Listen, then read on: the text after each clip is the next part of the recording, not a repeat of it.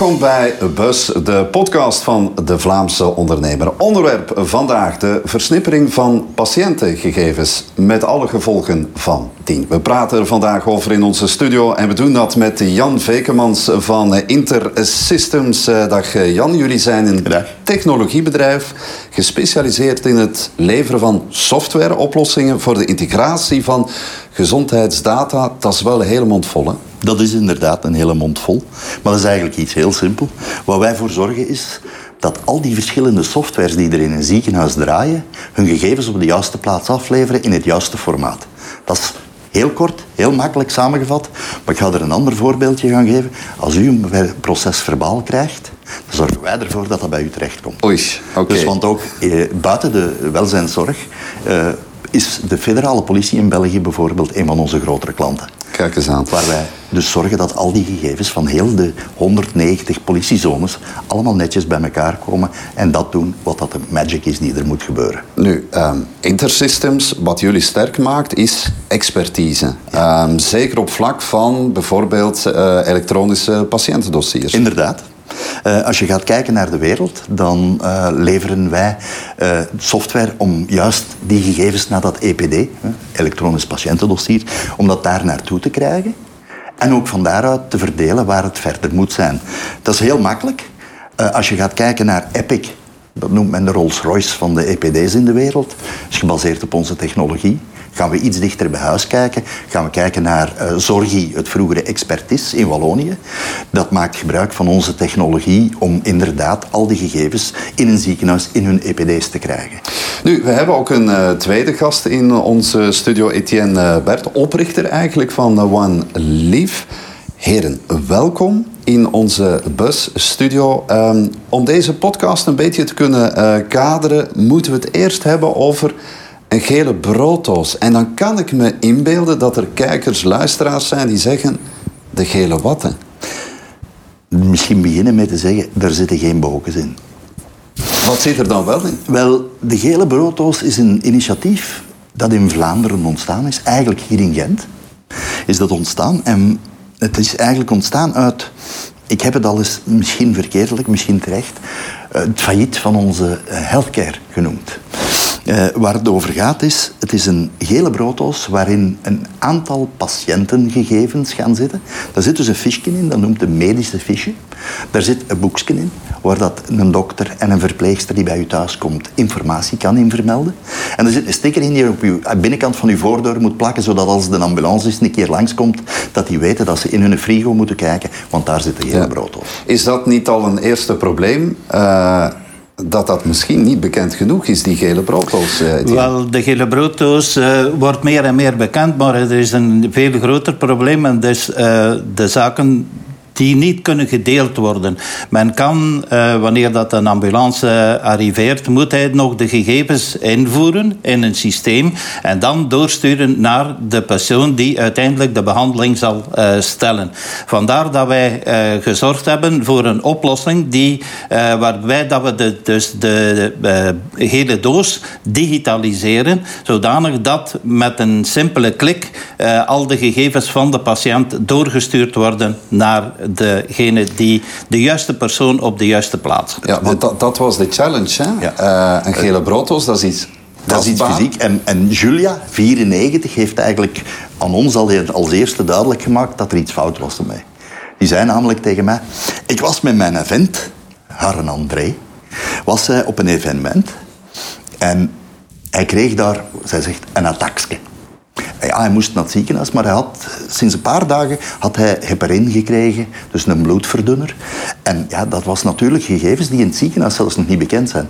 Nu, als je iemand begint te, te snijden, als je een mens gaat opereren, zullen we maar zeggen, dan is het zo dat als iemand een sterke bloedverdunner neemt, ja, die loopt gewoon, cru gezegd, die loopt leeg. Je wilt dat dus voorkomen, dan betekent dat je dus bepaalde acties moet ondernemen voordat je dat doet. En zij zegt, ja, we, waren, we hadden wel een gele brooddoos, maar ze ligt bij mij thuis. En wij waren niet thuis. Ja, dan heb je aan de gele brooddoos niet. Want ik zie niet veel mensen rondlopen met hun frigo onder hun arm. Die blijft meestal thuis. Ze steken dat in de frigo, juist omdat dat een herkenbare plaats is en de meeste mensen hebben er een. Maar die is wel statisch. Hm.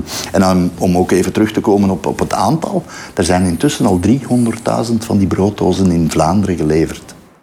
Dus het is niet dat het voor een paar mensen is. Het is, het is effectief de bevolkingsgroep van mensen boven de 65 die nog thuis wonen, maar die mogelijk verzorging nodig hebben. Ja. Nu ja, we hebben het over het, het tastbare gegeven. Hè. Twee jaar geleden uh, botste je op die, op die challenge van oké, we moeten dat eh, digitaliseren. En ging je eigenlijk op zoek naar partners, andere bedrijven uh, die, uh, die Intersystems eigenlijk kon helpen voor een stuk. Jan Valken, mijn vroegere mentor, die zei altijd: je moet niet komen met een probleem, komt met een oplossing. En blijkbaar had Nico van uh, de, de vouw uh, van uh, Inforcare dat ook al eens ooit gehoord. En die heeft dus echt de challenge gesteld van, kunnen we dat niet digitaliseren? Wel, we konden dat. En intussen zijn we dus zover dat we zelfs vijf verschillende oplossingen al hebben die effectief werken, die we kunnen bewijzen in de markt dat er iets is. Dat is een Andaman 7, dat is een Massana, dat is OneLeaf, dat is Mimior en dat is M M4B. Moeilijke ja. naam, maar... Ja. Hè? Dus ja, vandaag heb ik eigenlijk uh, Etienne willen uitnodigen, omdat dat ook een van de oplossingen is. We konden hier moeilijk alle vijf de oplossingen ja, uitnodigen. Zo, zo, is dat. Jullie hebben een app ontwikkeld. Vertel daar eens uh, ja, iets over. Wij hebben eigenlijk een ecosysteem ontwikkeld waarin de app eigenlijk centraal staat.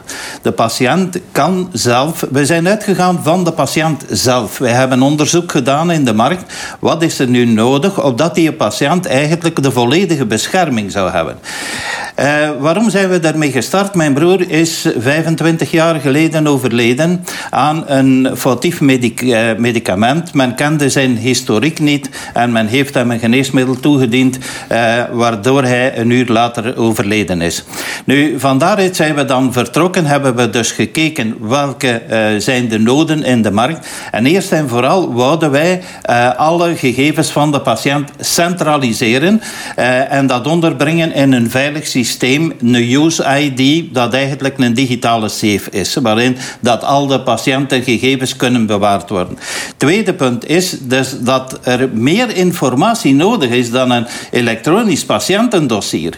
Uh, waarom is dat zo? Omdat een patiënt uh, veel, over veel meer gegevens beschikt, dat hij trouwens weet welke behandelingen dat hij ondergaan heeft, wat zijn problemen zijn en dat hij dat eigenlijk allemaal kan onderbrengen in die app. Ja, daaraan gekoppeld een aantal systemen om hem te ondersteunen. Een aantal tools die we ontwikkeld hebben, zoals een symptomenchecker en een interactiechecker. Een interactiechecker die ervoor zorgt dat die patiënt eigenlijk geen verkeerde medicatie kan nemen. Een controle op medicatie. Uh, een bijkomend probleem was daarbij nog dat de patiënt uh, zeer therapie-ontrouw is en dat we hem gaan ondersteunen om een juiste gebruik uh, van zijn medicatie te maken, zodanig dat wij weten, kijk, voilà, die patiënt moet gemotiveerd worden om zijn medicatie gaan te nemen, aangezien dat eigenlijk de grootste kostprijs uitmaakt uh, in de gezondheidszorg. Dus wij willen gezondheidszorg betaalbaar houden. Wij willen de patiënt beschermen tegen medische en farmaceutische fouten. En daarbij hem nog in de gelegenheid stellen door standaardcodes te gebruiken die internationaal gekend zijn opgemaakt door de WHO, zodanig dat hij ook in het buitenland met zijn gegevens die gegevens kan delen met de behandelende arts of de apotheker. Ja, uh, je gaf het zelf aan, uh, een digitale safe. Ik wil het dan toch nog wel eens hebben over ja, privacy, belang van, van privacy. We leven in een tijd waar ja, hackers uh, op elk moment kunnen, uh, kunnen toeslaan. Dat is toch ook wel iets uh, wat jullie flink in de gaten moeten houden, neem ik aan. Ja, dat zeker. Daarvoor hebben we destijds Monar Law ingeschakeld om het volledige plaatje af te toetsen aan de GDPR-wetgeving, de privacy-wetgeving. En van het ogenblik dat de patiënt, de patiënt heeft via zijn uh, het recht om eigenlijk al zijn gegevens op te vragen, zowel bij de overheid, zowel bij de behandelende artsen, met uitzondering van enkele elementen die uh, de arts persoonlijk gaat aanbrengen. Maar ik kan dus een volledig dossier gaan samenstellen wat dus de verspreiding van uh, de patiëntendossiers eigenlijk voorkomt. Een van de elementen die er zich bij stelt is dat eigenlijk dit zou de eerste keer zijn dat een patiënt eigenlijk eens een overzicht heeft van alles wat er over hem bestaat. Want toen ik ben geopereerd een tijd geleden, ben ik zelf naar verschillende ziekenhuizen toe moeten gaan om te vragen welke informatie dat ze over mij hebben. Want een van de zaken die in GDPR naar voren komt is... Bij GDPR zeggen ze, de patiënt heeft het recht om te weten wat er aan informatie is geweest. Heb jij al iemand tegengekomen die tegen u zegt, ik heb informatie over u? Als je ze niet gaat zoeken, vinden ze niet. En een van de zaken die ik had als probleem was, ik wist zelfs niet meer, ik heb aan mijn moeder, dik in de tachtig intussen, heb ik moeten gaan vragen, waar is dat ooit gebeurd? En dan gaat het daar naartoe en dan begint heel, een heel circus. Dus ik heb een app op mijn telefoon waarin dat staat. Uh, als u als patiënt over uw dossier wilt beschikken, moet u eerst naar dit nummer bellen, moet u daar een e-mail naar sturen en dan gaan wij ze u op papier bezorgen. Beats the purpose of wat we het hierover hebben, want dan krijg je het ook nog maar alleen op papier. En van papier terug naar digitaal kan u verzekeren, het is geen gemakkelijke Een zeer omslachtig eh, proces, hoe dan ook. Uh, je maakte tijdens eh, de voorbereiding op deze podcast even de vergelijking ook met uh, Dr. House, de iets wat excentrieke dokter bekend van de tv-serie van enkele jaren geleden. Het is misschien een beetje raar om, om, om een, een televisieserie mhm. in een ernstig onderwerp te verwerken, maar eigenlijk komt daar iets, iets, iets heel fundamenteels uit naar voren. En dat fundamentele dat naar voren komt is dat een mens is niet alleen zijn medische gegevens. De mens is ook wat dat je noemt het, het, het welzijn. En wij noemen dat het digital well-being, omdat dat zijn de gegevens die van uw Strava komen. Dat zijn de gegevens die uh, van allerhande dingen komen. Als je bij, de, bij House dan bijvoorbeeld ziet, die gaf van zijn assistenten dan door dat ze eens moesten inbreken en onder het kastje gaan kijken wat dat er daar allemaal stond. Dat is wat dat Genders het ook, ook zegt. Hè.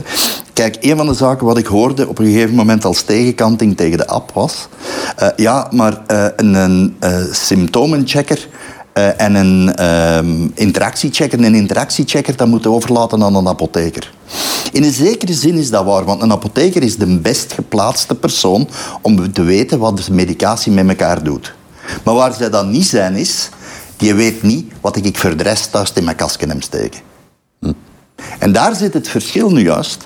Als ik thuis zelf gewoonweg de barcode van al mijn medicamenten kan gewoon inscannen en ik, scan ook in wat ik als medicatie voor de rest krijg, dan heb ik een volledig beeld. Dan hebben we ons Dr. House beeld.